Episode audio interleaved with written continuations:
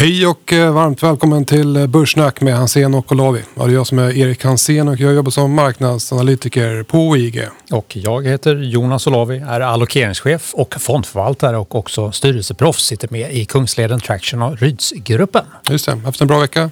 Haft en bra vecka, hade med mig ett par bra dagar i fonden. Mycket halvledare som har gått bra. Just och det har vi pratat mycket om tidigare så det har varit en bra men intensiv vecka. Själv då? Mm.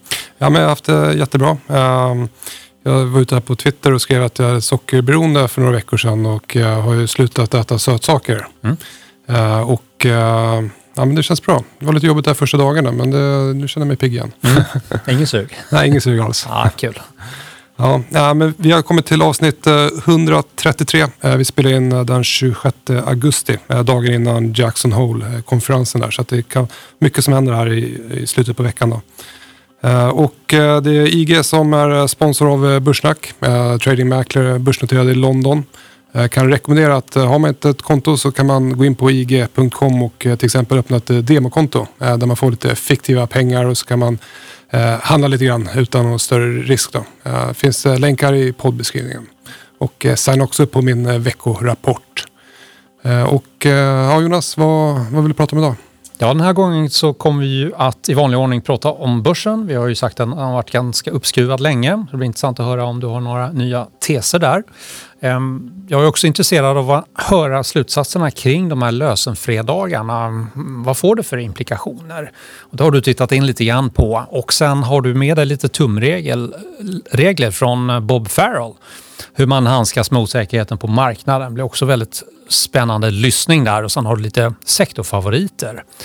Och jag kommer berätta om eh, några av mina senaste investeringar. Men um, vi har en gäst med oss. Vi har en gäst och det är ingen mindre än Jining Wang från Nordic Asia Group. Varmt välkommen till vår podd. Ja, tackar så mycket. Väldigt kul att få vara med, verkligen. Ja, Uppskattar. Ska man prata om Kina så ska man prata med dig helt enkelt.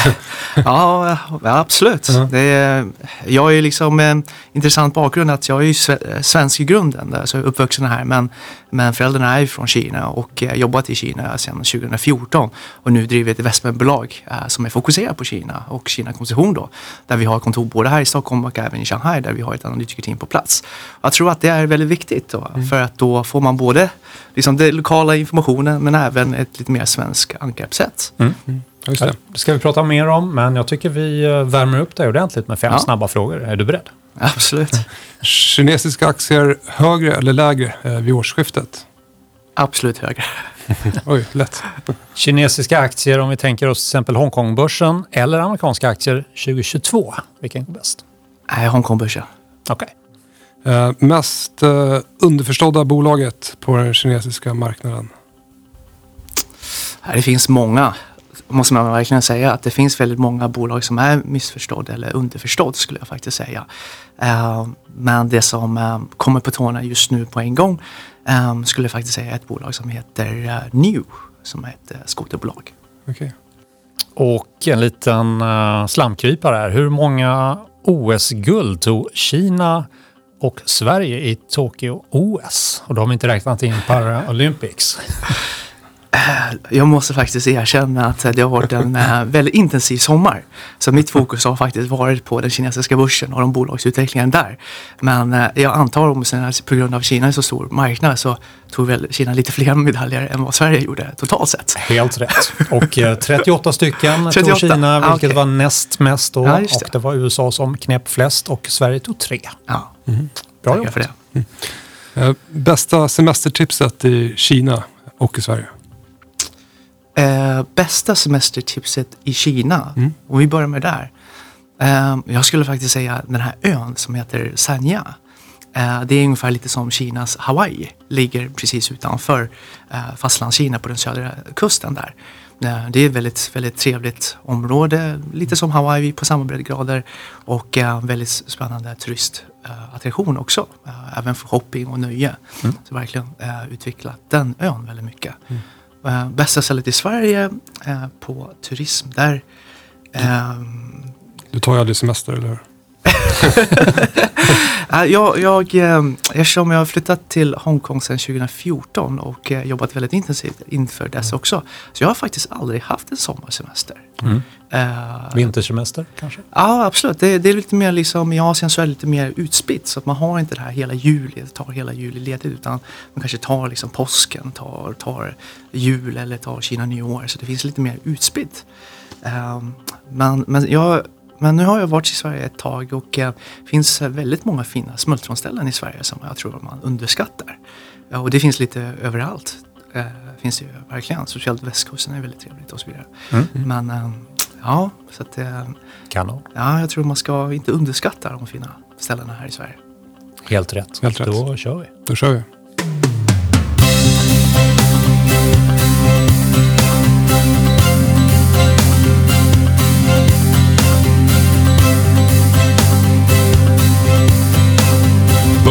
Börssnack med Hansen och Olavi.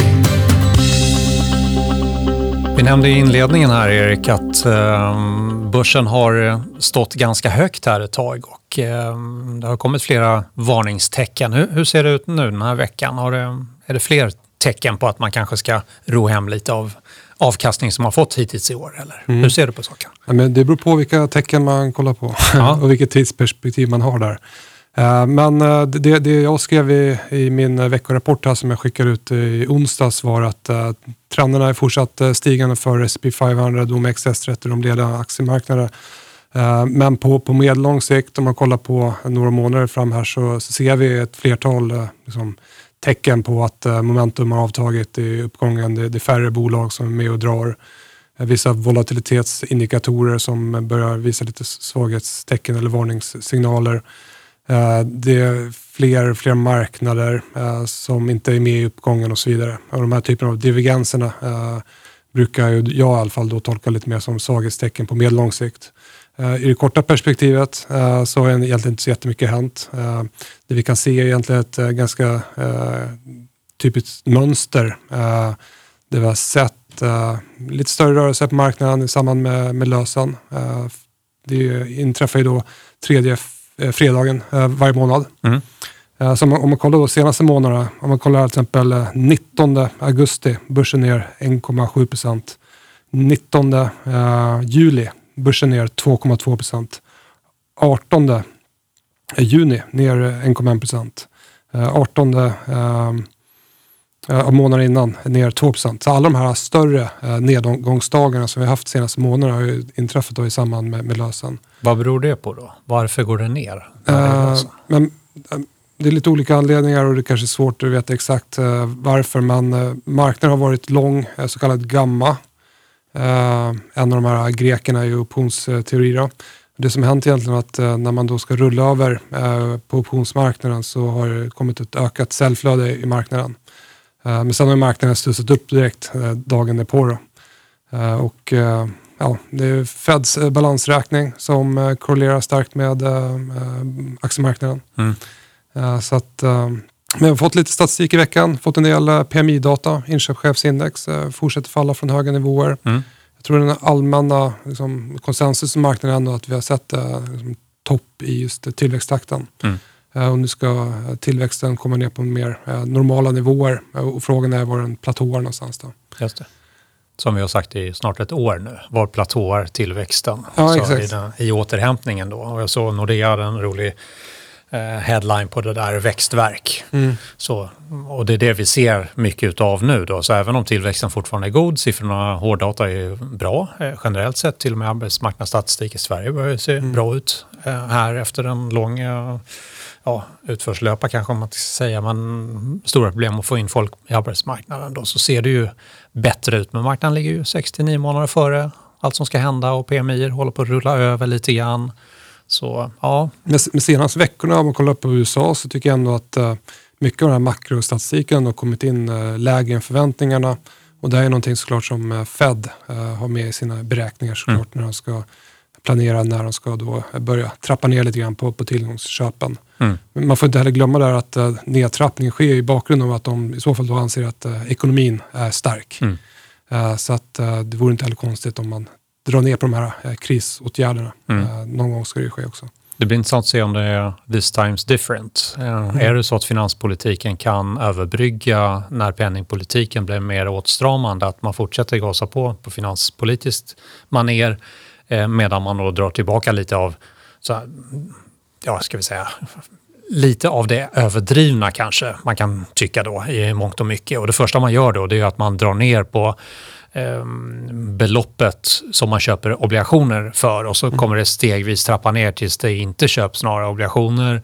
Och nästa steg efter det är att man slutar återinvestera i de obligationer som då eh, går till förfall. Och då minskar penningmängden från den tiden. Och då har vi sett historiskt, det är inte så många tillfällen, men när det sker då går börsen in i en skakigare period. Då. Mm.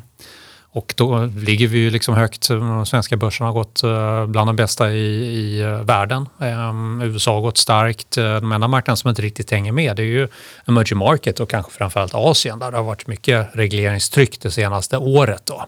Precis, och det måste vi prata mer med senare här i, i podden såklart. Uh, men som du nämnde förra veckan där också att en contrarian trade är ju att gå lång Kina, mm. köpa Kina eftersom mm. det fallit väldigt mycket där. Mm. Vi pratade just om den här fondförvaltarenkäten. Just det.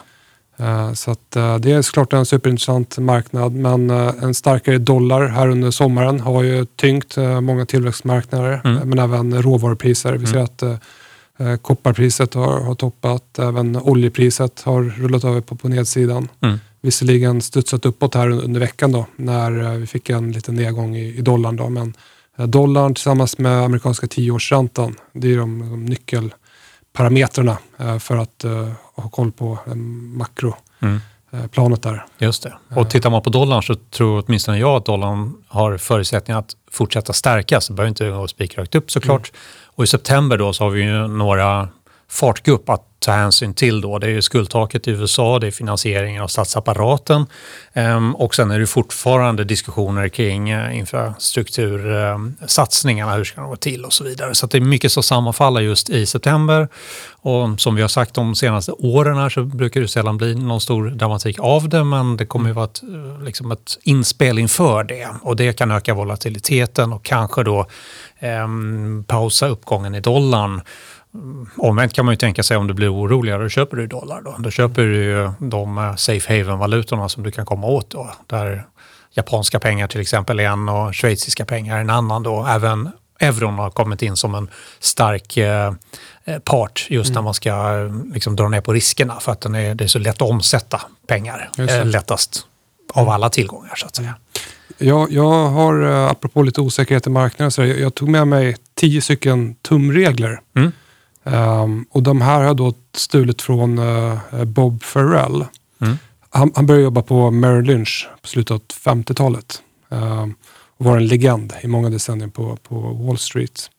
Uh, han konverterade till teknisk analytiker efter att han upptäckte att aktier inte bara handlar om uh, balans och uh, resultaträkningar. Mm. Sen var han då en pionjär inom sentiment och marknadspsykologi. Eh, men jag tänkte dra de här reglerna uh, och sen kan du också sticka in och, mm. kommentera dem mm. om, om, du håller med eller om du mm. inte håller med. Regel nummer ett. Uh, över tid så jämviktspendlar marknaden. Och det här innebär då att trender som blir för stretchade åt något håll tenderar då att återgå till något långsiktigt jämviktsvärde. Det håller jag helt med om. Okej, okay, härligt. Uh, till exempel så kan man se idag att uh, fastighetssektorn kanske har dragit iväg lite för mycket på uppsidan och att det då ska korrigera uh, ner till något teoretiskt jämviktsvärde. Mm. regel nummer två.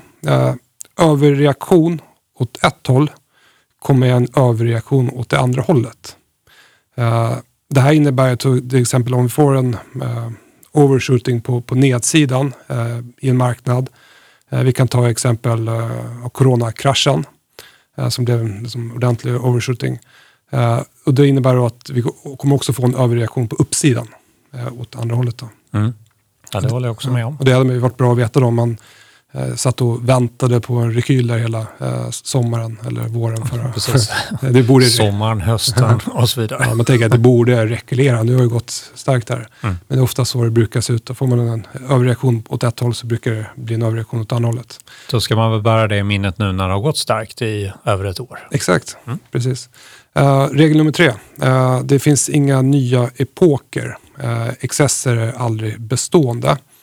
Eh, och eh, då menar han på om man studerar de senaste hundra åren så kan man konstatera att det alltid funnits en het grupp aktier eh, med några års mellanrum som drivs av spekulation. I historien har vi bland annat sett det här inom fordon, radio, elektricitet bland annat. På 60-talet så hade vi Nifty 50 som var smeknamnet för eh, 50 stycken eh, blue chip-aktier i USA. Då. Och gemensamt för de här bolagen var en stark tillväxt och balansräkningar. Det var högkvalitativa eh, franchise. Eh, de här bolagen gynnades av ekonomisk tillväxt och alla gillar de här bolagen. Det var McDonalds, eh, Polaroid, eh, de här eh, kamerorna, eh, Kodak, eh, Coca-Cola bland annat. Eh, Sen i början på 70-talet så, så kraschade eh, de här bolagen. Eh, vissa bolag finns kvar fortfarande med många gick under också. Mm. Um, eh, regel nummer fyra. Eh, paraboliskt stigande eller snabbt fallande marknader eh, går vanligtvis längre än man tror innan de korrigerar. Usch, ja. det har jag Eh, erfarenheter av. Ja, och de korrigerar inte genom att konsolidera. Det där rör sig sidledes. Mm. Får vi en parabolisk uppgång så ser vi också ofta en stark korrektion på den sidan. Fingerprint, Fingerprint, absolut. Ericsson, Ericsson. 8000. Eh, timmerpriset, Mm. ganska nyligen. Bra. Eh, parabolisk uppgång, så kan man fråga sig varför gick det ner så mycket? Ja, förmodligen för att det var en parabolisk uppgång. Då. Ja. Eh, regel nummer fem. Allmänheten köper som mest på toppar och köper som minst på bottnar. Ja. Och det här innebär ju att den genomsnittliga privatinvesteraren är som me- mest positiv när, när börsen toppar och som mest negativ när marknaden bottnar. Mm. Eh, och- Stämmer. Ja. Och, och du som lyssnar kanske tycker att det här inte stämmer på dig då. Eh, eftersom man kanske var superbullish eh, våren eh, 2020 Ja, där i absolut. botten. Absolut. Eh, men då kan man tänka på dels nummer ett, eh, att man då kanske inte är den genomsnittliga investeraren. Eh, och nummer två, att hade nedgången pågått i flera månader eller flera år, hade man varit lika bullish då? Förmodligen inte. Mm. Eh, regel nummer sex. Eh, rädsla och girighet är starkare än långsiktig eh, lösning. Och det här handlar om att inte låta känslorna styra över din långsiktiga plan. Mm. Eh, planera din handel och handla din plan. Förbered dig på olika scenario eh, så att du inte agerar irrationellt om, om någon av dem skulle inträffa. Mm. För snabba nedgångar kan ofta leda till panik eller, eller, rädsla och Mm. därmed irrationellt beteende. Regel nummer sju. Eh, marknaderna är som starkast när de är breda och som svagast när de är tunna. Och han menar på att bredden i marknaden är, är viktig. Eh, för att en trend ska vara uthållig så vill vi gärna se att det är många bolag som är med och deltar i uppgången. Då. Vilket får man ju minnas att du har sagt att det är ganska tunn uppgång nu. Ja, det stämmer. Ja. Eh, regel nummer åtta. Eh, bear markets, det vill säga större nedgångar, består av tre faser. Eh, skarp nedgång, sen får vi ofta en översåld uppstuds där man ska lura in lite folk i, marknaden igen. Eh, och sen då ytterligare en, en nedgång, eh, fast med lite svagare kraft och där fundamenta fortsätter att försvagas. Så det är ofta liksom tre faser i en bear market. Mm. Regel nummer nio. När alla experter är överens så kommer någonting annat att ske. Mm. Eh, Den logiken är ju ganska enkel. N- när alla som vill köpa har köpt så finns det inte så många köpare kvar. Samma sak på eh, motsatta dem. När alla som, som vill sälja har sålt då finns det inte så många säljare kvar. Vilket man kan översätta till aktiemarknaden. Alla analytiker är positiva till Mm. aktien. Ja, vad mer ska de säga? Det är köpläge. Ja, Ja. vi vet det. Precis. Och så händer någonting annat. Det finns inte så många analytiker kvar som kan revidera upp sina Precis. estimat och ge stöd till, till aktiekursen. Kanske någonting vi ser i, i- i Kina. Mm. Jag vet inte. Eh, sen sista tumregeln, det är att uh, bullmarknader är roligare än uh, bear markets. Jag håller helt med. det är därför jag jobbar med aktier och inte med räntor. Just det. Ja. Så är det. Ja, men det låter som väldigt kloka mm, så här, ord och eh, eftersom personen i fråga som du stal de här ifrån får man väl säga att du kanske ärvde dem istället då. Det var- alltså från Bob Farrell som var en gammal legendar. Precis, jobbade på Wall Street där på 60-70-talet. Mm. Så att, eh, det här gäller fortfarande. Intressant. Jag har gjort lite pet i portföljen. Jag har plockat in Facebook. Eh, många av de här stora jättarna går bra. Jag har flera av dem i portföljen. Jag har sneglat på Facebook länge. Jag använder inte plattformen speciellt mycket. Men att jag eh, grattas på födelsedagar av mina eh, gamla skolkamrater. Från, där, eh, därför inte gratta mig, för att jag har inte Facebook. Exakt, det är Jag- därför jag inte gratulerar. Jag, jag tog ju bort Facebook för några år sedan. Ja. Oerhört skönt. Ja, men i alla fall så tänkte jag, och jag har nämnt det här i någon podd tidigare, att rekla reklamintäkter är någonting som verkligen eh, göd sin marknad när alla ska ut och springa och köpa grejer. Facebook är en eh, riktig gigant på det här området och eh, kränger ju annonser av glatta livet. Då, då har man ju flera eh, plattformar man gör det på, på Instagram, WhatsApp, eh, Facebook, Messenger. Eh, och jag tycker inte att bolaget är speciellt dyrt heller. P 26 på innevarande års vinst växer då med 32% i vinst per aktie. Och nästa år så sjunker P-talet till 23 och året därpå sen till 20. Vinsttillväxten håller sig kvar på höga nivåer, 15 och 14 procent. Det är lägre än 32 förstås som året ger. Men jag tyckte att man får väl köpa in en trendstark aktie någon gång. Så då um, plockar jag in den här precis på, på stödet där så kommer jag att fortsätta bevaka den. Och jag har chartat in mina trendlinjer som ger mig möjlighet att komma ur aktien om den skulle, om den skulle ta och eh, lämna. Innan vi bjuder in vår gäst så vill jag veta mer om eh, sektorfavoriterna. Vad är det för ett påfund som kommer med? Ja, just det. Ja, men jag hade med det i veckans eh, veckorapporter. Det finns också en länk där i, i poddbeskrivningen. Och det jag tar, jag kör eh, verkstadssektorn, tech, fastigheter, hälsovård, basmaterial, finans, detaljhandel och telekomsektorn. Och så har jag en screening där jag kollar på vinst, lönsamhet, värdering, risk, momentum. Lite mer vikt mot just momentumparametern. Eh, och så kan man då se de eh, aktierna som rankas högst i, i de här olika sektorerna. Mm. Eh, Så att, där tycker jag man kan gå in och kika lite grann. Jag det- såg att du twittrade ut länken så man kan komma åt den. Ja, så det letar så. man upp dig på Twitter så hittar man den. Absolut. Många bra fina bolag i de där listorna. Eh, Kan vara lite inspiration om man får lite torka Mm. på, på den fronten. Det händer. Det händer. Men eh, nu vill jag veta mer om eh, Asien och framförallt om Kina. Så jag tycker vi bjuder in eh, Jining Wang från Nordic Asia Group igen. Det gör vi.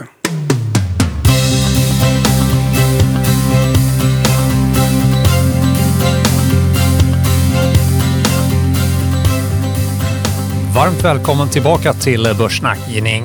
Kul att du tog dig tid att komma hit och eh, Kina och kinesiska investeringar är ju hett nu för det händer väldigt mycket i Kina. Absolut.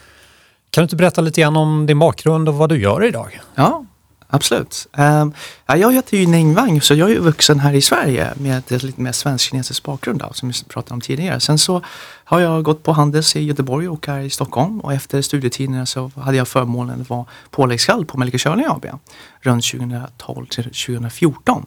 Fantastisk period. Ni känner ju till eh, Melker och, och det är en väldigt liten organisation som man fick exponering till väldigt mycket av hur det fungerar att eh, jobba nära en väldigt framgångsrik entreprenör i ett börsnoterat investmentbolag som det var förr i tiden. Då. Eh, och sen efter det så har jag ju den här asiatiska kopplingen så jag har alltid länge tänkt att jag ska vill till Asien på längre sikt.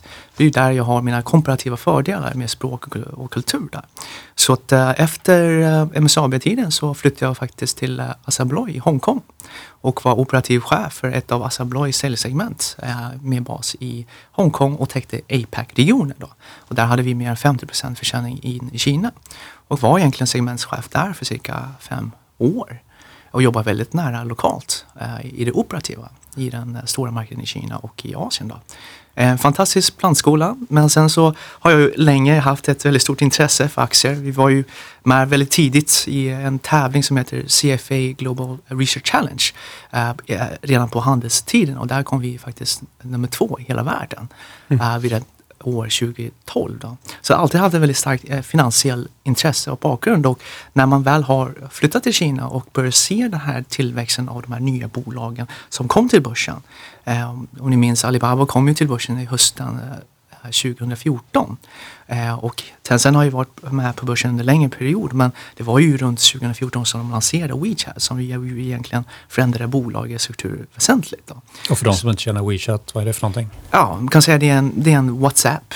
Eh, Okej. Fast i Kina, fast my- betydligt större, mycket mer funktioner än bara WhatsApp. Men det är, grund, grunden är en kombinationsapplikation Eh, för vänner, sociala kontakter och även för affärsrelationer. Då. Um, så att eh, under den här perioden, sedan 2014, har jag alltid haft ett väldigt stort intresse för att verkligen förstå det som händer och de här entreprenörskapen, de här stora massiva bolagen som skapas. Så att där har jag då själv då etablerat väldigt god nätverk i Kina, Shanghai och även i Hongkong. Och gradvis då när man ser just tillväxten av inhemsk konsumtion över tid och tittar på hur vi ser ut och allokerar i Sverige så har vi tyvärr i Sverige en väldigt liten allokeringsandel till den kinesiska marknaden generellt sett. Men eh, det är ju världens näst största ekonomi idag och kommer ju bli världens största ekonomi med den bas som finns i det landet. Så där finns en fantastisk nisch och en väldigt stor liksom, marknad att vara exponerad till där vi här i Sverige har eh, väldigt liten eh, allokering till förhållande till ekonomin. Och jag ser ju det här från min perspektiv lite som ett eh, samhälls, eh, ett problem egentligen. Eh, och där tror jag nog det verkligen krävs för det är ett annat situation, det är en annan annan, annan kultur, ett annat system och det finns väldigt många frågor kring det systemet. Men under ytan så är det ju en marknad där det finns företag, entreprenörer liksom, och uh, även regulator. Uh, men uh, där krävs det verkligen att det finns någon som, kanske med min bakgrund, då, som kan verkligen redogöra det som verkligen händer och sker. Så att vi här i Norden kan få ta del av den långsiktiga tillväxten i den marknaden som vi i dagsläget är underallokerade till. Och det är med den bakgrunden som vi startade just Nordic Asia Investment Group då, som är ett väldigt unikt bolag. Eh, vi är på något sätt ett pionjär. Att eh, vår målsättning är att ta den svenska investmentbolagsmodellen men applicera mot kinesiska konsumentnära bolag. Så bara det konceptet är ju väldigt unikt. Ehm, och vill gärna vara en trailblazer i den här marknaden för att då för nordiska investerare kunna äga en svensk aktie och få exponering mot den här sektorn. Då. Så det är ungefär det som jag gör idag. Mm. Mm. Kan man investera i ert bolag? Är det noterat? Finns det planer på det? Hur ser framtiden ut? Eh, ja, vi har startat bolag sedan 2019 då, med ett par ankarinvesterare och eh, precis här innan sommaren så tog vi in lite mer eh, kapital i en pre-IPO-runda och vi eh, siktar faktiskt på en börsnotering till hösten här. Mm, spännande. Eh, så att, eh, det får ni verkligen hålla utsikt för. Ja, absolut. Är det mestadels börsnoterade bolag som ni investerar i eller är det även onoterat? Nej, det är 100% börsnoterade bolag ja. som är fördelade på Shanghai, Shenzhen, Hongkong och vissa av de bolagen finns även noterade i USA. Mm. Och kan du inte förklara lite mer hur er eh, analys eh, går till och vad ni har för typ av investeringsfilosofi eh, när ni mm. väljer bolag och investerar? Mm. Absolut. Um, jag skulle säga att vi tar ett um, väldigt nordisk approach när det gäller investeringarna. Vi, eh, vi, eh, och det är en av de största fördelarna i Sverige, det är att vi har haft en väldigt lång, eh, långsiktig ägande i grunden. Som har genererat väldigt mycket liksom, avkastning över tid. Och den här lite mer långsiktiga ägande-approachen vill vi ta till den kinesiska börsen. För vi vill äga ett par av de bolagen på längre sikt. Är det, är det en nordisk approach, just den här långsiktigheten? Det, det, det måste, är spekulativt i Kina eller? Eh, alltså långsiktig investeringsstrategi, det finns ju både här i Norden men även kanske utomlands. Men jag skulle säga för vår del så vill vi verkligen fokusera på det långsiktiga ägandet. Och att verkligen äga ett par riktigt sta starka bolag i rätta marknader med stark eh, bolagsfundamenta. Och att investera i de bolag vars räkenskaper och intjäning kanske inte syns i, idag i dagens eh, liksom PNL. Men vi förstår potential i just de bolagen för att det är en väldigt bra marknad att vara i och den bolaget har en väldigt distinktiv marknadsposition i den marknaden. Och därmed då vill vi kanske äga just de här bolagen lite över en längre period så att de kan verkligen liksom omvandla sitt potential till vinster lite över tid. Um, och uh, i det då så handlar det väldigt mycket för vår del att hitta väldigt bra bolag i den här investmentbolagsstrukturen som vi vill äga över en längre period. Och det är det också det som är fördelen med ett investmentbolag gentemot kanske en fond eller någon annan typ av liksom, investeringsverksamhet. Att investmentbolagsstrukturen är ju mycket mer långsiktig. Kapitalet finns ju inne i bolaget och vi kan ju ha ett liksom, kärninnehav och tillväxtbolag som vi verkligen tror på inom utvalda sektorer och äga dem över längre period. Och eh, där, det är det konceptet som vi vill då implementera här i Nordic Asia.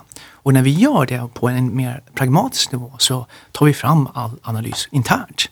Så att för varje bolag som vi investerar i, då tar vi fram en revenue breakdown per bolag, räknar ut liksom, äh, intjäning per olika segment och tar fram egentligen en ERR-modell. Så att om vi investerar i det här bolaget nu, hur ser ERR ut om vi äger bolaget i tre, fem år?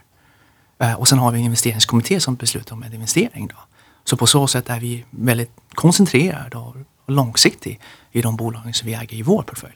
Är det en utmaning, ser du eller upplever du, att eh, värderingarna kan vara lite höga även i bolag ni ser potential i för att den kinesiska aktiemarknaden, i alla fall i vårt perspektiv av vad vi hör, så är den mer spekulativt lagd. Då tänker man sig generellt att värderingarna är lite högre. Är det många då som liksom faller bort i er screening när ni ska hitta bolag då? Absolut, alltså det är ju såklart viktigt för oss när vi tittar på ett, investeringscase att vår entry multiple då, ska vara en entry multiple vi kan sälja bolaget på, på lite längre sikt. Då. Så skulle vår entry multiple vara alldeles för hög, då blir det ingen bra avkastning även om bolaget växer i vinst under ägarperioden. Om det skulle vara så att vi säljer den till en lägre multiple. Så det är klart att man måste ta hänsyn till multipelfluktuationerna. Men det vi gör det är att vi, vi vet vilka bolag vi eh, täcker vissa branscher. Några bolag vill vi äga på en strategisk basis över längre period. Och sen så är det klart att när vi tar våra positioner så försöker vi ju såklart även att komma in på hyggliga multiplar. Så att eh, ibland så kan det vara att vi köper in bolagen på en genomsnittsmultipel. Eh, och vi, så länge vi känner att bolagen kan leverera den här vinsttillväxten över ett par år, då kommer bolaget oavsett den, vid det tillfället kunna säljas på, en, en, en, på minst lika uh, samma multipel som vi kommer in på. Då. Uh, men i, sen är det också för vår del i portföljen, då handlar det ju om att eftersom vi är så koncentrerade, vi kan våra bolag väldigt väl, så är det klart att det finns ju ibland när värderingen går upp väldigt mycket, då kan man ju allokera lite inom existerande portfölj. Där finns ju också lite möjligheter. Vi kan ju dra upp vikter på någonting som vi tycker är väldigt lågt värderat i dagsläget och kanske dra ner vikterna på något bolag som tycker har väldigt um, hög värdering i dagsläget. Uh, men det är, det är såklart, det är såklart en utmaning uh, när multiplarna och speciellt penningflödena går, uh, går som det går. Så att säga. Så därför så försöker vi absolut kunna se multiplarna på ett bra sätt och ha en bra liksom, balanserad och, och vikta om lite grann när vi tycker att det blir för dyrt eller för, för billigt. Mm. Hur ser strukturen i bolaget ut eftersom du säger att ni går igenom bolagen, ni mm. analyserar bolagen? Ja, och jag antar, gör ni det på plats? Har ni analytiker där? Ja, Hur många är de? Ja, absolut. Så att, eh, ja, men det är det som gör så att vi är lite unika här. Vi har kontor här i Stockholm, eh, men sen har vi kontor mitt i Shanghai och eh, mitt i Lujiazui, så det är där hela Kinas finanscenter. Och vår partner då heter Jason Yu. Han har varit chefsanalytiker på ett bolag som heter Haitong Securities i över tio år. Det är ungefär som en Carnegie här i Sverige. Då. Så att, väldigt topprankad, liksom, hög Eh, analytikerchef. Då. Och eh, han har också ett svensk-kinesisk bakgrund eh, så att han pluggade här på KTH för cirka tio år sedan. Så vi lärde känna varandra och har haft en stor passion för aktier och jobbat i branschen under en längre period. Så det, han är ju en av grundare till bolaget och tillsammans med mig. Då. Eh, och under honom så har vi vårt kontor där och vår analytiker på plats. Så just nu har vi tre analytiker inklusive Jason. Då. Vi har totalt 25 bolag just nu i portföljen. Och vi avser att öka analytikerteamet med två till analytiker under hösten här, så kommer det till fyra. Då. Mm. Så då kan du säga att vi är rätt koncentrerade. Vi har, inklusive mig själv, då, då är vi fyra personer som jobbar i, inom investeringsverksamheten på en portfölj på 25 bolag. Mm. Och sen ska vi lägga på än mer eh, analytiker också. Då. Så att, eh, Mm. Och, eh, och där skulle jag säga, där är ju liksom en del av fördelen att vi täcker bolag internt men sen här är vi också inkopplade till det, det kinesiska um, investment banking, equity research-systemet. Så att vi får ju väldigt mycket information från marknaden. Just för att vi sitter nära där och vi får ju bra service från våra mäklare också. Mm. På kinesiska. Vilka skulle du säga de största kulturella skillnaderna mellan de som jobbar inom finans i Shanghai och de som sitter här i, i Stockholm? Det är, det är en bra fråga, men eh, helt ärligt så tycker jag inte att det är någon skillnad. Inte? Nej, eh, alltså det, det, alltså det, det är värderingar, det är bolagsanalyser som man går igenom, det är fundamenta. Man ska göra om det till en modell, räkna på olika estimat eh, för, för bolagen. Eh, och sen är det mycket ifrågasättande. Liksom, varför har du använt det här estimatet och så vidare. Mm. Vad, vad är det för dina antaganden, vad, vad är det underbyggt på? Och sen är det väldigt mycket research. Så att jag skulle säga att rent, rent praktiskt i det själva arbetet, det är nästan ingen, ingen skillnad. Förutom att i Kina är man än mer to the points. så det är lite mindre kaffesnack och liksom lite mer business direkt. här. Och, och, det ska vara effektiva möten och så vidare. Och så vidare. Men annars så är det faktiskt inte så stora kulturella skillnader. Utan... Träffar ni alla bolag ni investerar i? För att liksom höra er för och få en känsla för, är det en fasad eller finns det verksamhet som går att lita på? Liksom? Ja, ja, nej men absolut. Ja, vi försöker träffa så, så, mycket som möjligt. Vi sitter ju där väldigt nära och det är väldigt nära för oss för egentligen att resa ut till ett, en av bolagen, till en av fabrikerna, besöka bolagen. Och även så hålls ju väldigt mycket seminarier på plats. Så då får vi också, liksom, om, om Guangfa sätter upp eller Haiton sätter upp en väldigt stor konferens, då finns ju liksom, eh, bolagspresentationer och one-on-one som vi går på. Så vi försöker såklart träffa bolagen så mycket som möjligt på plats. Eh, och där är ju verkligen en fördel att, att vi har teamet på plats där som kan åka ut eh, när det blir något företagsevent eller mm. någonting som vi initierar själva då, för att mm. träffa bolagen. Kan man vända på kuttingen och säga att mm. du kan investera i bolag som har Kina som en väldigt viktig marknad, ett svenskt bolag till exempel? Skulle det vara en möjlighet? Eller det är bara kinesiska bolag du investerar i? Uh, tänker du på ett svenskt bolag som har en stor exponering i Kina då? Till exempel ett Hexagon eller någonting sånt där. Ja, men där skulle jag säga, där, eh, där är ju andelen försäljning för, för Hexagon eller liknande, det är ju begränsat till cirka 15 procent eh, max. Så det blir inte, man får ju inte hela den fullständiga mm. exponeringen. Um, det, finns väl några bolag som kanske är mer fokuserade, har en större andel exponering mot Kina. Men Men, men, vi, vi, jag tror att en stor fördel är att investera lokalt i, i bolag som, som är kinesiska bolag som agerar på den kinesiska marknaden.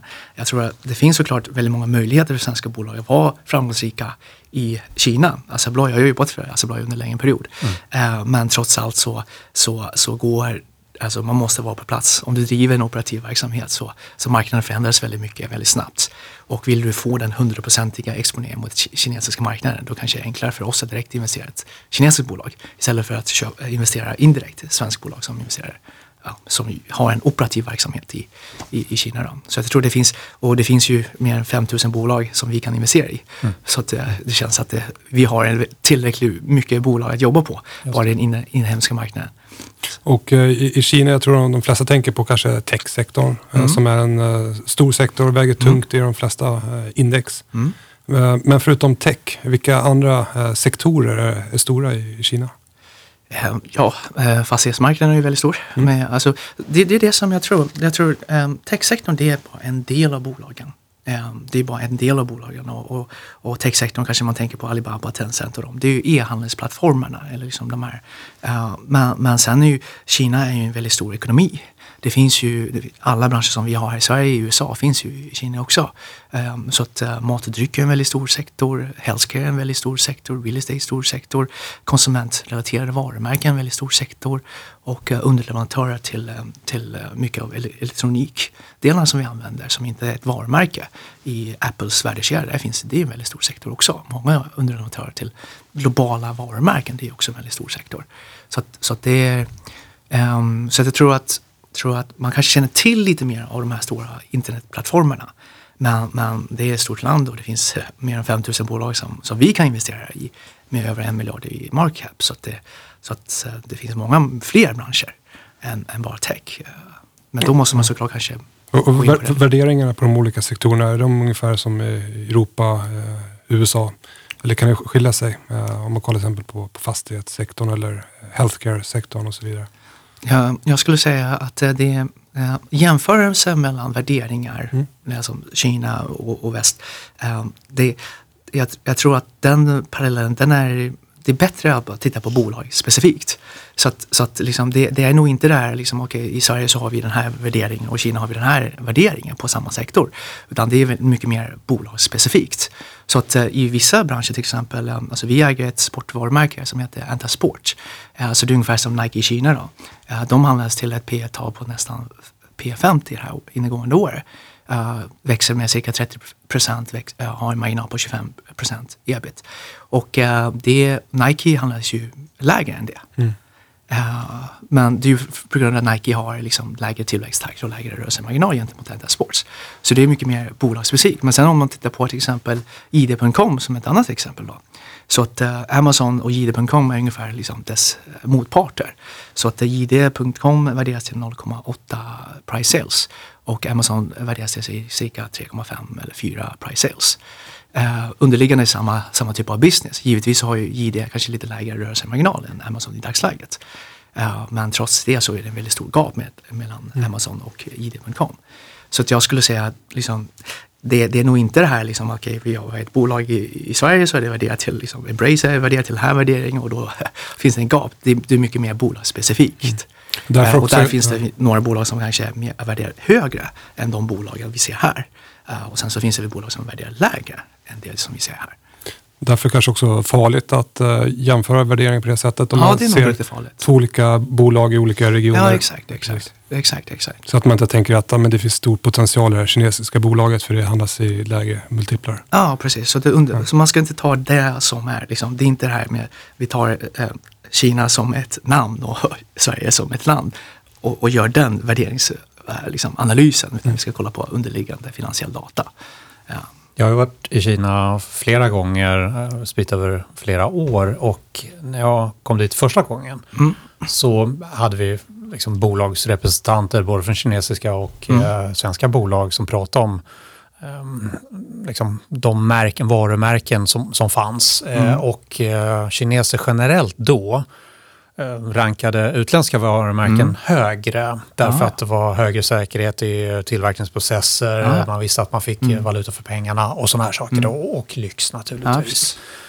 Ah, Sista gången jag var där så var det en person som stod och liksom krängde så här, ja, souvenirgrejer. Ja. Och han blev lite för, förnärmad när vi gick förbi. Ja, men det där är inte intressant.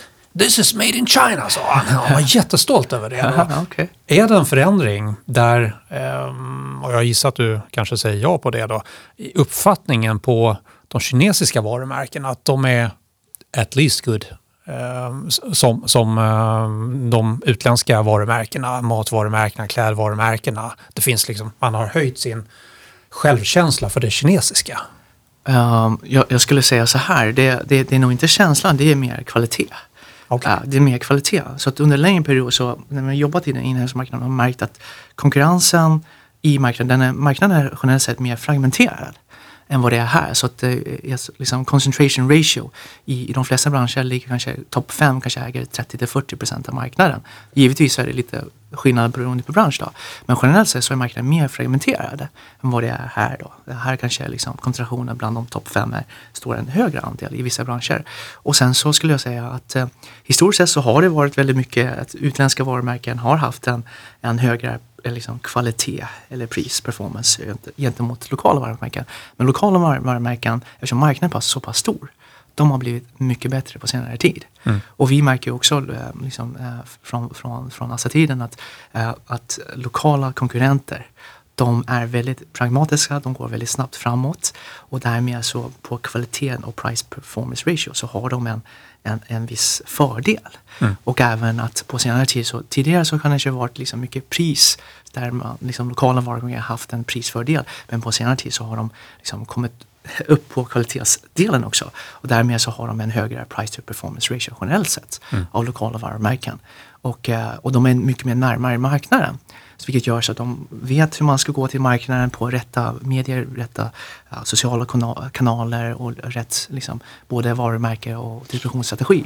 Och mycket mer snabbare att anpassa sig till det lokala eh, liksom marknadens behov på olika produkter i olika prisklasser. Och därmed så har vi verkligen sett att lokala varumärken har tagit mer och mer marknadsandelar gentemot utländska mm. liksom, peers. Mm. Den trenden är väldigt tydlig och ju större volymer de får återinvesterar de mer i R&D, i marknadsföring, i liksom, produktutveckling. Så det är en väldigt tydlig trend där man ser att lokala varumärken har lärt sig väldigt mycket, kanske från från, från västvärlden etc. etc. Och då är med då också har lyft kvaliteten på sina produkter. Både mm. kvaliteten och produktsäkerhet. Och därmed så har den inhemska konsumenten blivit kanske allt mer säker i, och, och högre tillit till lokala varumärken. Inte som förr att det var så stor skillnad. Utan nu har man högre tilltro till lokala varumärken. Att det också har en bra kvalitet gentemot utländska mm. varumärken. Du pratade om fragmenteringen där och mm. en sak som jag lärde mig då vid något av tillfällena var att du kunde vara stor i Wuhan men då, då var du, fanns du inte i Shanghai. Ja, ja absolut. Um, håller det på att slätas ut också? Uh, Eller det finns fortfarande ja. ganska stora koncentrationer där du är lyckosam i en region men kanske inte i någon annan? Ja. Ja, men så är det fortfarande. Ja. Så är det fortfarande. Så att, eh, eh, olika bolag på grund av deras bas så kanske man äger liksom, eh, kuststäderna i norra Kina eller i södra Kina. Kina är fortfarande ett väldigt stort land. Nästan lika stort som hela Europa. Så det, att bli en, national, en nationell spelare och ha en stor marknadsandel på nationell nivå, då är det väldigt stort företag. Just det. Det är väldigt stort företag. Så att, eh, så att, och eh, i vissa branscher som, ja, som vi har tittat på, då är liksom marknadsledaren har endast 6% av hela kinesiska marknaden. Och då kanske man är väldigt stark i en viss region inte så stark nationellt. Då. Så det, det, det är ett väldigt stort land kan man säga. Jag antar att Och- och där- det ligger i analysen också. Så att du har en stark eh, Shanghai-spelare Ja, som säger visst. att nu ska vi ta Wuhan med storm. Ja. Då får ni fundera på, är det möjligt? Jaha, visst. Så. Ja, absolut. Det finns ju... Då måste man ha den edgen, man måste vara på plats. Ja, precis. Och även vissa, vissa bolag har ju kanske investerat än mer i en viss region och byggt ut distributionsnätverken, varumärken i den här regionen. Då.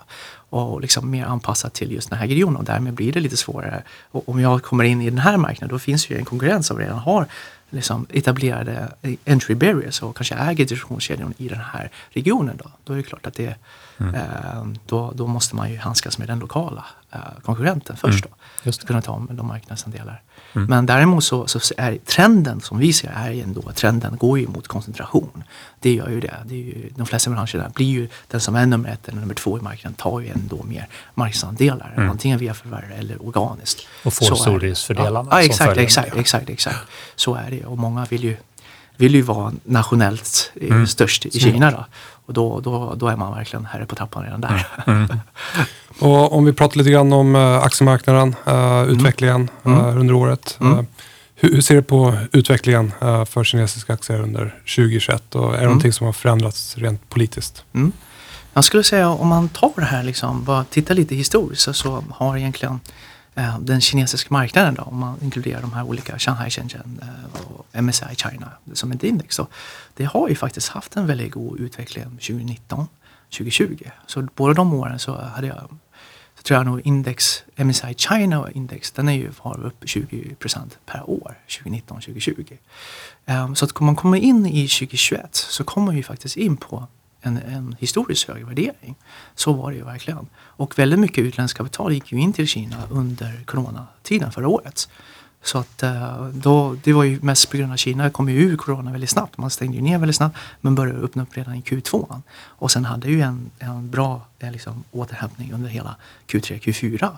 Så jag tror Kina var ju nog det enda liksom, stora landet med positiv tillväxt under hela fjolåret. Så det var väldigt många, mycket liksom, utländskt kapital som sökte sig till den kinesiska marknaden under fjolåret. Uh, men sen så efter liksom, uh, vaccinet kommer ut och, och, och kanske en reflation trade mellan liksom, growth mot value som vi såg i början av året och en ökning av tioårsräntan så drogs en del kapital ur från Kina till kanske andra sektorer. Då. Så det är den som vi har haft en, en liten sättning från början av året. Så, mm. Och sen, så, sen har det varit relativt flat skulle jag säga. Fram tills nyligen då här under juli månad. Haft en viss återhämtning men sen så har det kommit ner lite grann här under juli månad. Då. Eh, av, det, av det, de regulatoriska eh, eh, uh, uh, announcements som skedde precis i slutet av juli. Då. Men underliggande så tycker vi i att liksom, bolagen och marknaden har ju haft en fortsatt god fundamental tillväxt. Eh, alltså det är, så att det har varit lite liksom, man kan säga, flödedrivet i början av året och sen nu på senare tid kanske lite sentimentdrivet som har gjort så att det har kommit ner lite mer ytterligare. Hur ska man se på det som har hänt? För jag skulle säga att startskottet var när man slog ner på Ant. Eh, Mm. Jack Maas eh, notering av, av den verksamheten.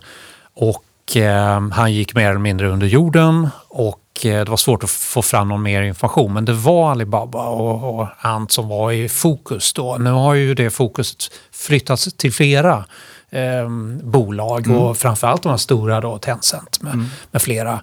Eh, hur ser du på det? För det förändrar ju spelreglerna ganska ordentligt, eller? Ehm, jag skulle säga så här då, om man liksom in, eh, tar det här eh, Eh, lite tillbaka till tiden och titta lite på hela marknadslandskapet och det som händer och sker i Kina. Kina är fortfarande marknad på tillväxtresa. Eh, det är fortfarande många delar av marknaden som kanske inte är tillräckligt reglerat. Och eh, under den perioden som vi har jobbat operativt har vi också sett att marknaden har haft, eller regulatorn har haft sträng, strängare krav på ett par huvudfokusområden som är kanske produktsäkerhet, anställningstrygghet och även eh, eh, antikorruption givetvis och sen så även eh, fria liksom, konkurrenslagstiftningar för att främja liksom, ett ökat konkurrens i marknaden. Och det är främst för att hjälpa småföretag. Och eh, om man tittar lite på hur regulatorn ser på det här så är ju regulatorn väldigt tydlig. Att marknaden är bevisat både liksom i det pragmatiska sättet och även liksom i forskning att det är det mest effektiva sättet att allokera resurser. Men samtidigt så kan inte marknaden vara för girig eller liksom utvecklas för snabbt eh, så det kan skapa liksom, obalanser i samhället. Så att eh, från regulatorns synsätt har man sagt att marknaden ska utvecklas men det är som en fågel i en bur. Den får inte, man får inte öppna buren för mycket, man får inte stänga den för mycket heller. Men absolut så är det marknadsekonomi som gäller. Det är det som man har liksom utvecklat hela landet till på de senare åren. Men sen är det precis ett par områden när det gäller produktsäkerhet, när det gäller anställningstrygghet och gäller antikorruption och, och, och konkurrens. Det är de områden där det har funnits luckor i liksom hur snabbt landet har utvecklats. Mm. Och egentligen liksom, eh, så är det här med, med Ant Financial eller Alibaba, den här antimonopollagstiftningen som kom under fjolåret. Det är ju egentligen en del av det stora ramverket. Eh, men eh, som kom då mot Alibaba just för att Alibaba hade en klausul där man hade två välja ett. För att Alibaba har mer än 60 marknadsandel. Mm -hmm. Och därmed så, så har de eh, liksom haft, eh, de har haft en konkurrent som är väldigt stark. Man, man, man, man sa till sina handlare att du, du får bara välja att ha din, din butik på en av plattformarna, inte på två plattformar. Och då har man utnyttjat sitt eh, liksom, marknadsposition. Mm. Och det är ju det som lagstiftningen slog på i det hänseendet. Då. Men sen så är det ju väldigt mycket andra lagstiftning som sker, sker hela tiden egentligen. Men det här kanske blev det som fick väldigt mycket uppmärksamhet. Just för att det är så stort företag och det kanske kom lite plötsligt och var svårt att förklara exakt underliggande anledningarna. Och det finns väldigt många utländska ägare av just det här bolaget. Eh, men generellt sett så är det liksom, en regulatorns roll är att fortsätta regleringar på, all, på många sektorer. Just när det gäller konsumentskydd, anställningsvillkor, antikorruption och, och konkurrenslagstiftningar mm. som inte är tillräckligt starka i dagsläget. Jag satt och sa till Erik där att jag kan ta på mig Maomössan och så kan jag förstå de argumenten som eh, lagstiftaren för fram. Ja. Men det kommer väldigt plötsligt och det här känns som en överraskning för västvärlden, skulle jag säga. Ja. Man blir tagen på sängen. Oj, kan det hända så? Kan man bara säga åt företag att inte göra saker? Så. Ja, eh, jag skulle säga liksom, absolut, jag förstår det när man ser på de här stora medierna och liksom, helt plötsligt så är det antikorruption eller TMI får liksom att eh, man, man måste släppa sina exklusiva rätt, rättigheter för eh, musikdistributionen. Då. Eh, det kan ju såklart ses i västvärlden av någonting som är, som är chock. Men, men för oss som har liksom följer bolaget, följer marknaden under en längre period. Regulatorn har oftast hintat mycket om framtida regleringar inför en reglering som verkligen genomförs. Så att ett väldigt bra exempel för det är ju de här utbildningsbolagen. Så att de här utbildningsbolagen har ju egentligen haft internt i Kina haft en väldigt mycket kritik. För att uh, man, man, man tycker faktiskt att det har skapat ett samhällsproblem där man, uh, man påtvingar väldigt mycket barn uh, som, som i liksom, grundskolan att uh, köpa på sig extra liksom, efterskolatjänster som engelska eller matematik, filosofi och så vidare. Och, så vidare. och då skapar det ju liksom än mer arbetsbörda för barnet. Förutom du har vanlig mm. grundskola så måste du få gå på alla de här andra tilläggsklasserna. Mm. Och i Kina är man ju väldigt stolta över sina barn. Så det blir liksom, okej okay, om du inte lägger ditt barn på den här fina liksom, efterskola liksom, för engelska, då är du ingen bra, bra förälder. Så det har skapat en, en viss liksom, konkurrens. Och därmed så har ju vissa bolag varit alldeles för aggressiva i sin marknadsföring. Att du borde ta dina barn till de här klasserna. För gör du det så kommer barnen att få högre betyg och liksom kunna komma in på högre universitet. Men det sätter ju väldigt mycket press på föräldrarna. För båda betalar för den här utbildningen och även väldigt mycket press för barnen att ha förutom grundskolan plus allt de här andra extracurricular liksom, arbeten. Så att det där är liksom en sektor som har varit ifrågasatt under en längre period faktiskt. Och, eh, och sen så innan juli så var det väldigt tydligt att man sa att man skulle reglera hur de här bolagen marknadsför sig som är vinstdrivande och noterade i USA uh, eh, i just den här sektorn. Då. Och speciellt mot uh, grundskoleelever. Uh, och sen så kom ju lagstiftningen här ut i juli månad. Men det var ju en, en, liksom, det var en lång process innan det slutliga kom till.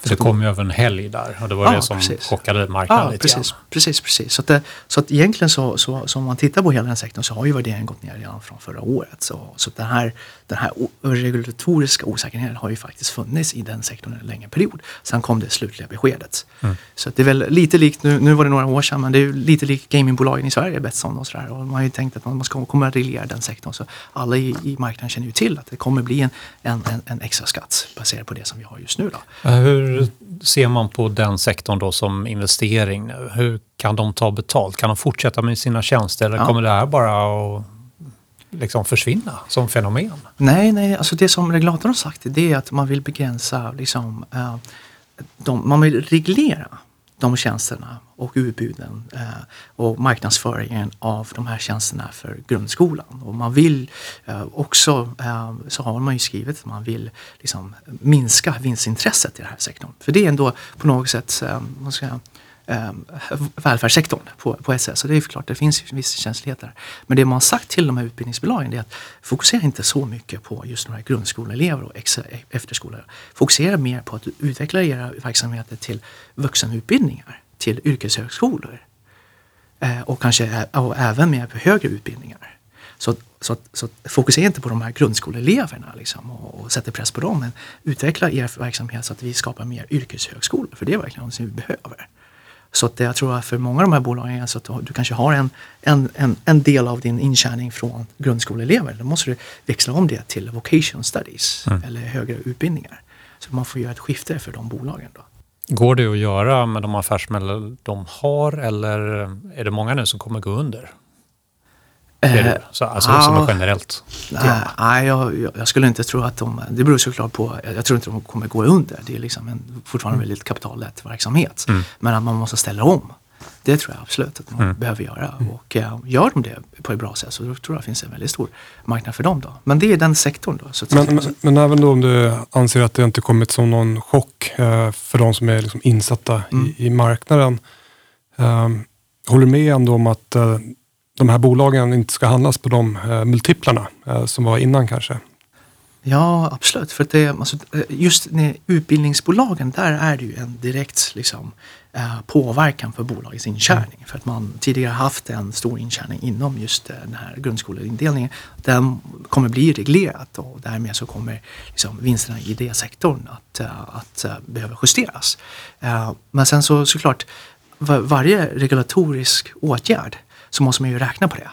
Så att um, om man tittar på till exempel i, i Tencent Music Entertainments, eh, liksom, där man fick ge upp vissa eh, exklusiva musikrättigheterna, så står ju liksom TME för endast 6% av Tencents totala intjäning. Men sen så gick ju Tencents kursen ner väldigt, väldigt mycket på grund av det. Och då kan man ju såklart fråga sig, är det, är det befogat? Medan i, i education-sektorn där är det en större liksom, förändring, justering. Och, och då är det såklart, har marknaden reagerat rätt på den justeringen eller har marknaden överreagerat? I den sektorn äger vi inga bolag eh, och vi har liksom försökt hålla oss undan den sektorn under en period. Så, um, så därför, där är liksom case by case. Men om man tar, tittar på regulatorns påverkan på Tencent till exempel mot TME. Där, liksom, Mm. Där, tror jag, där tror jag att kanske marknaden har reagerat lite mer än vad det faktiskt är påverkan då, Just det. i vår syn. Hur ser du på hälsosektorn? Ehm, Och då raljerar jag lite grann att eh, för att få bra vård då måste du komma med ett eh, rött kuvert. Ehm, Så det finns liksom ett behov att kanske då rensa upp lite grann. Samtidigt som priserna är, på läkemedel till exempel är vad jag förstår någonting som regleraren tycker är ganska högt eller höga då. Kommer det komma ökade regleringar i den sektorn tror du? Och hur kommer det spela ut? Så att säga? Eh, ja, alltså, jag tror den sektorn är ju väldigt spännande. Den, hela hälsovårdssektorn är ju väldigt spännande. Vi har ju fortfarande i Kina en åldrande befolkning där. Och eh, hälsosektorn, det finns ju en, en stor andel undermätt hälsovård. Så det finns ju många som kanske har underliggande sjukdomar som inte söker det vårdet på grund av eh, ja, bristande sociala försäkringar och hälsovårdsförsäkringar. Eh, eh, men i den delen så är det fortfarande att eh, man försöker ju alltså marknaden är väldigt stor. Det finns väldigt många privata bolag. Uh, uh, ett bolag som, uh, som vi har då heter Hygea Healthcare. Och det de fokuserar är på cancerbehandlingar via radiostrålning, liksom strålkniven. Då. Mm. Men mest fokuserar på T3, T4 städer. Mm. I, alltså inte de här, de här T1, T2 städer. Där finns ett väldigt stort underliggande behov som kanske inte har kommit till ytan än. Då. Men då, då är det klart att de, eh, de priserna liksom för, för de tjänsterna, det är ju via försäkringar och så finns det såklart en, en viss begränsning på vad det ska kosta. Men samtidigt så är det viktigt för regulatorn i sin synvinkel att man behöver privata aktörer. Man kan inte göra det här endast via liksom, äh, äh, statligt finansierade medel och man behöver liksom kapital in i den här sektorn för att bygga ut den sektorn. Uh, så vi tror att det kommer finnas väldigt bra, fin uppsida inom hälsovård som är lite mer sammankopplad från det som den privata sektorn kan investera i det för att bygga ut de service och de tjänster som behövs. Mm. Eh, men samtidigt så, så, kommer det också varit, vara eh, viss del reglerat mm. eh, så att det inte blir några ockerpriser. Så då får man känna på mm. marginalen in, inom den sektorn. Då. Men, mm. eh, men där finns absolut ett stort underliggande behov som kanske inte är adresserat idag. Och den möjligheten vill man ju då liksom utvidga och uh, ta hand om både från publikt håll och även från privat håll. Mm. Och, givet också de här uh, nya regleringarna, uh, det, är många bolag som har tappat 30, 40, 50 procent av sina aktiekurser. Mm. Ehm, du nämnde där att ni inte ägt Tencent innan. Finns det några av de här bolagen som nu ni ser som mer attraktiva ut? Nu när aktiekurserna har fallit relativt mycket? Då? Ja, absolut. Um, generellt sett så kan man säga liksom uh, värderingar var okej okay, mm. uh, innan juli och sen så kom ju de här nyheterna. Och det är väl det som är ibland svårt i vår sektor. Att vi förstår liksom uh, regulator hur det påverkar det här liksom fundamentalt. Men sen handlar det om hur marknaden ser på nyheten också. Mm. ibland kan ju marknaden överreagera på vissa av de här signalerna. Typ liksom. Tencent. Ja, Tencent ja. eller liksom, några av de här regleringarna och tro att man, man ska dra det över hela kammen. Ehm, så, att, eh, så absolut så har det skapat eh, många möjligheter nu och vi ser faktiskt eh, historiska låga värderingar på några av de bolagen som vi har ägt över tid. Åtminstone kommit till en historisk nivå. Då, liksom. Så vi var lite högre värderingar men nu har det kommit till en historiskt låg nivå för vissa bolag eller en historisk liksom, jämn nivå för mm. några av de bolagen. men det är bara på värderingar. Men sen underliggande vinsttillväxten, där är det inte så mycket som har påverkats. Um, så därmed så, så, precis som vi pratade om lite tidigare här, det finns ju lite multipel expansion och multipel kontraktion. Så det vi ser i prissättningen just nu så är det mycket multiplarna som har svängt. Inte så mycket underliggande intjäning för bolagens fundamenta har inte förändrats så mycket. Så då handlar det ju såklart att eh, ja, om man tycker det är en bra nivå gentemot historisk eller hur man ser på just den multipeln så finns ju bra attraktiva nivåer för vissa bolag, absolut. Jag gjorde en screening i min momentummodell då. Då ja, tog jag Shanghai Shenzhen-indexet. Eh, och det är ett antal hundra, 300 bolag då, eh, har jag för mig. Och så tittar jag på svenska eh, motsvarigheten då. Och när jag tittar på svenska motsvarigheten, alla som ligger i topp, de har passerat målkursen för ett bra tag sedan. Okay. Det, är liksom, liksom, det är minus ner till målkursen. Tittar man på kinesiska aktier och framförallt den här börsen då, som kanske är lite mer högre inslag av, av teknologiaktier så är det 30, 40, 50 procent upp till målkursen. Ah, okay, och det är ja. den här sättningen såklart som ja, absolut, ja. Liksom spelar in där. Ja, absolut, beroende på hur du ser på multiplarna såklart. Absolut. Mm. Och eh, du fick den här listan tidigare då och eh, du lovade att kommentera tre av bolagen okay. bara sådär rent Absolut. allmänt då. Och ja. det är ett av bolagen som ligger högt upp i den här rankinglistan. Ja. Och rankinglistan kommer alla att få se. På Twitter kommer jag lägga ut den. Så kan ni själv in och grotta i de här bolagen. Men det första bolaget du nämnde var Will Semiconductors. Ja. Vad är det för bolag och varför är det intressant potentiellt? Absolut. Um, Ja, absolut. Det är ett bolag som vi har på radarn just nu faktiskt. Och därför som jag tyckte att det kan vara intressant att dela med det. Och den kommer ju väldigt lämpligt att du mm. kommer så högt i din screeningslista. Så Will Semiconductor gör, de gör sensorerna till kamerorna. Och du kan säga så att i, i varje uh, mobilkamera, så att om du har en mobilkamera så är det en modul. Och i den modulen finns det linsen, linsmodulen och sen finns det en chip. Och det som Will Semiconductor, de gör de här CMSO-sensorerna. Det vill säga att de omvandlar själva ljuset till digitala bilder. Mm. Så just en sensor. Och eh, där har de faktiskt på senare tid kommit med en ny produkt, en ny plattform som där sensorn ska, ska kunna via den nya plattformen ha en högre upplösning och till en lägre uh, power consumption. Mm. Och de har faktiskt kommit till, de är nummer tre i hela världen på just de här sensorerna. Och nummer ett i marknaden är Sony och Samsung som just gör de här sensorerna. Så om du tänker dig alla mobilkameror eller alla digitala kameror behöver en sån här sensor mm. för att omvandla ljuset till en digital, liksom, digital megabit, liksom, digital bild. Eh, och det är det som Will Semiconductor gör och de är ledande i Kina på det. Eh, och därmed så har de kommit in i de värdekedjorna för smartphones. Så att eh, Huawei, Oppo, Vivo, Xiaomi så är liksom de en ledande, ja, en av de, de, de, de, de eh, ledande leverantörerna för just sensorn. Då. Men nu på senare tid så har det kommit en liten breakthrough för, för uh, Will Semiconductor och deras produkter har även kommit in hos Samsungs mm -hmm. egna värdekedja. Och tagit mer, om, om vi, om, um, jag tror att den, de har kommit till nästan 30 procent av uh, total penetration hos Samsung för just de här sensorerna. Då. Uh, så det kan säga det är Kinas ledande bild, liksom, sensorbolag. Just det, just det. Uh, och där kan man ju tänka på många applikationsområden. Så främst majoriteten av applikationerna för det här är ju i mobilkamerorna just nu. Så att alla mobilkameror, för varje kameramodul som du har så krävs det en sensor. Och sensorn har ungefär fem, står för ungefär 50 procent av totala kameramodulvärdet. Mm. Så det är en väldigt stor, liksom, stor andel för ja, varje kamera. Så för, fler, för varje fler kameror vi behöver i mobiltelefoner så kommer marknaden för sensorerna att öka. Mm. Och då är Will uh, Semiconductor ledande i Kina då. Ledande hos kinesiska tillverkare. Och, uh, och det som är än mer, lite mer just det här, det, som vi ser, det är att det finns fler applikationsområden än bara kameror eh, mobiltelefoner. Så nu är det en stor tillväxt inom kameror för bilar. För Just. autonomisk ja. körning. Och även för läkemedel. Liksom, och olika typer av eh, du vet, sådana här um, optiska kameror som ska gå och titta på en viss organ. Mm. Det är mm. också en kamera och där krävs det också en sensor för att omvandla det, bilden till en, liksom, det ljuset till en bild. Då. Så det finns en mängd Eh, andra nya applikationsområden förutom bara smartphones för just den sensorn. Då. Mm. Och därmed så, så är det ju lite caset att okej, okay, men uh, Will Semiconductor kommer att ta än mer marknadsandelar i den inhemska marknaden gentemot Sony och, uh, och, och, och Samsung på mobilsidan men även att det kommer breddas till fler applikationsområden speciellt mot bilar, läkemedel, mm. VR mm.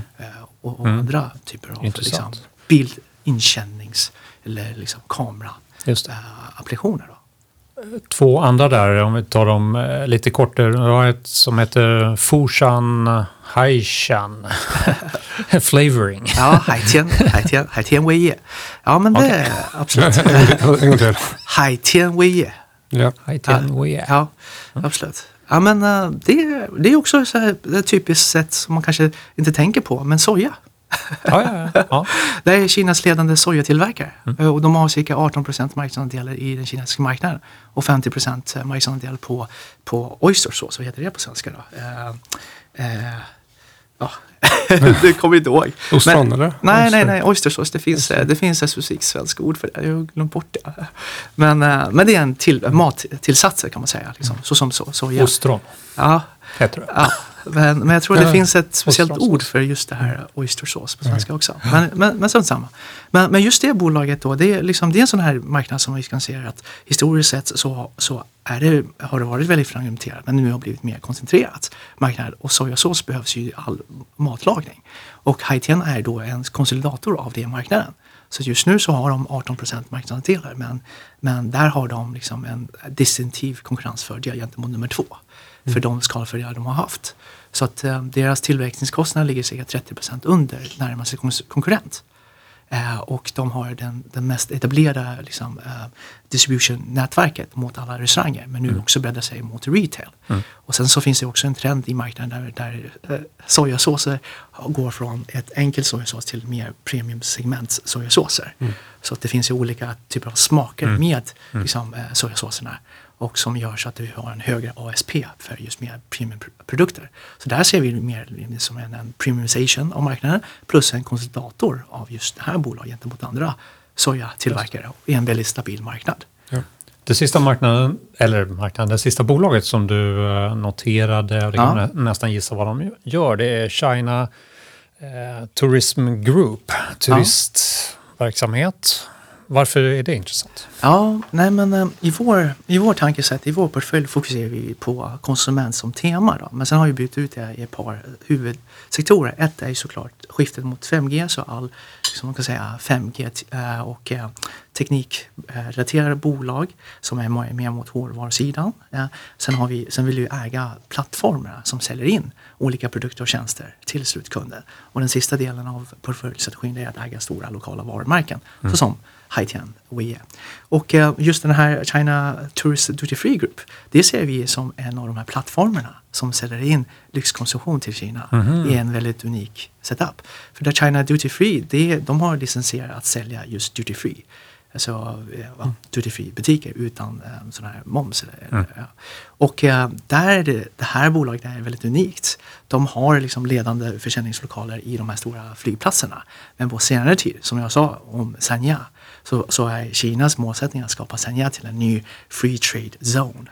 Och i Sanya ska man kunna köpa momsfritt. Mm.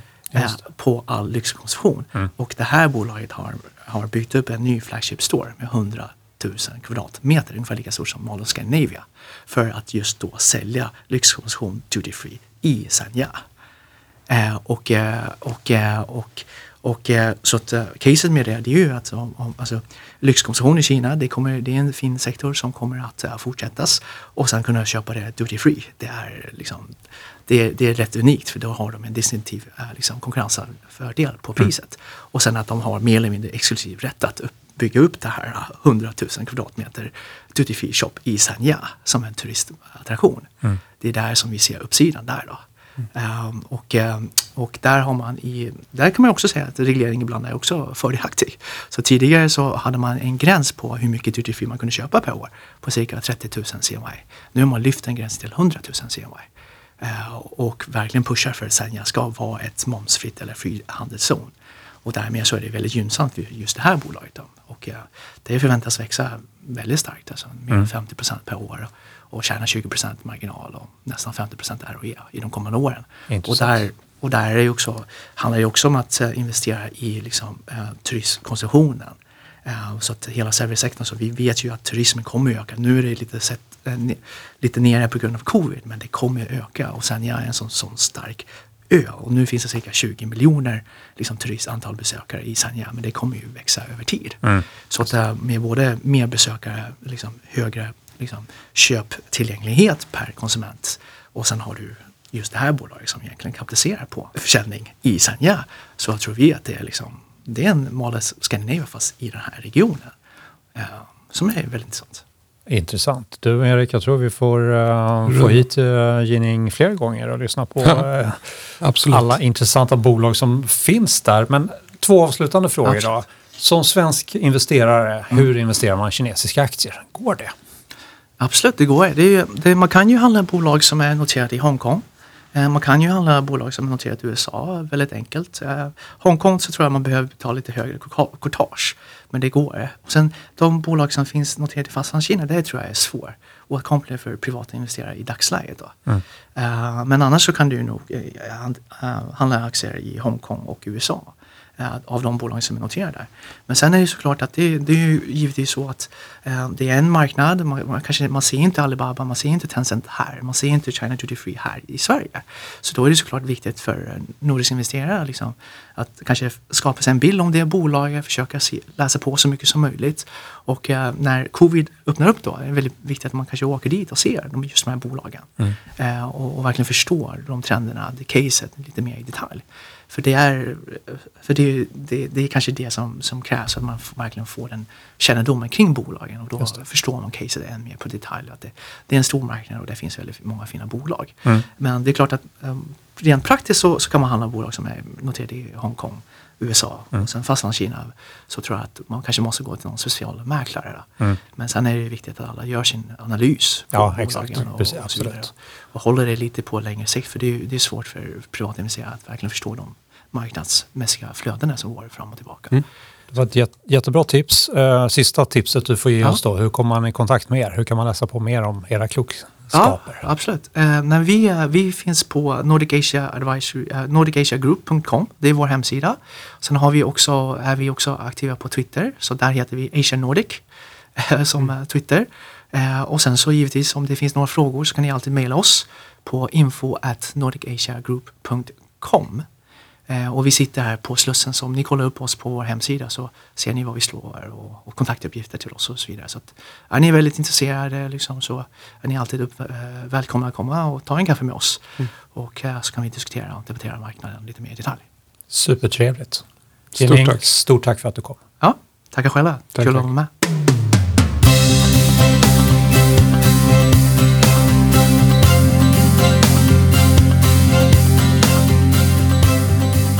Jonas, om du vill sammanfatta veckans eh, avsnitt, vad vill du lyfta fram? Ja, marknaden håller uppe men den är tunn. Eh, Fortsatta mm, risker i marknaden och det har gått starkt under en lång period. Och ja, alla är överens om att det ser jättebra ut. Så att där består de stora riskerna som vi har beskrivit i flera avsnitt här då. Men det som gav mig kanske mest, det var samtalet med Jining Wang då från eh, Nordic Asia Group. Och det gav mig väldigt mycket information på ett kondenserat sätt om Kina som jag inte hade tänkt och inte riktigt har läst mig till då i de analyskommentarerna som jag har sett. Att regleraren eh, har en agenda som de har varit ganska tydliga med när man håller på att stöpa om eh, delar av affärslivet och det handlar om att ta bort excesser och se till att konkurrensen funkar på ett vettigt sätt. Eh, men det överdramatiseras väldigt mycket i pressen. Ehm, folk generellt eh, bevakar inte Kina och eh, Jining sa ju också att eh, det är en underägd marknad. Så det finns en uppgift att göra och jag tyckte också att han gav väldigt konkreta tankar, eh, utvecklade resonemang kring flera bolag som man kanske inte hade hittat. Och han, han gav sig också på min rankinglista på kinesiska aktier och hittade ju tre stycken eh, kandidater redan där som han tyckte var intressanta, som låg lite grann på, på radarn. Så det var otroligt intressant och speciellt för mig som allokerare. Vad, vad tog du med dig från samtalet? Nej, men det var väldigt mycket värdefull information eh, och jag håller med dig. Det, det han poängterade var att är man insatt i marknaden så kom det inte som en chock just de här regleringarna utan de har ju varit ute eh, och kommunicerat eh, innan såklart. Eh, men samtidigt så tyckte han att de multiplar en, en del av bolagen hade tidigare kanske inte ska ses igen utan de kanske ska då motiveras med lite lägre multiplar. Samtidigt såg jag ju vissa överreaktioner i en del bolag, till exempel som Tencent, som man tyckte hade fallit eh, mer än motiverat. Då. Mm. Eh, men eh, han nämnde också att menar, Kina de är på en fortsatt tillväxtresa. Uh, mycket är ju oreglerat och de vill ju ha någon typ av balans. Mm. Att det inte blir för mycket excesser Mm. i olika områden. Då. Så det, är väl, det är väl logiskt. Tycker jag också. Och eh, som sagt väldigt eh, kul att han hade tid att svänga förbi. Sitter ju i Stockholm förvisso men har ju kinesiska rötter och kan ju den marknaden. Så det var väldigt värdefull information. En annan grej som jag tänkte på också, som en bra påminnelse, det är att inte köra någon typ av eh, värderingsgap-analys eh, på Kina. Att man tänker att um, det här kinesiska bolaget eh, handlas till betydligt mycket lägre multiplar än till exempel ett amerikanskt bolag eller Europa eh, med samma verksamhet. Då, utan man ska vara lite försiktig där och jämföra värderingarna. Just det. Och sen utlovar jag också, vilket kommer att eh, infiras, eh, jag lägger ut mina screeners på eh, Twitter. Så kan ni själv gå in och titta på eh, bolag där och eh, fundera kring om eh, det är någonting som skulle vara intressant eller inte. Det är absolut ingen rekommendationslista, man köper inte bolag 1 till, till 20 utan det här är bara inspiration och det är en screeninglista som grundar sig på min momentumstrategi. Så med de orden tycker jag vi eh, tackar för idag. Bolag som nämns här eller fonder är ju inga rekommendationer utan det är observationer och eh, ta hand om er. Ha en trevlig helg. Tack och hej.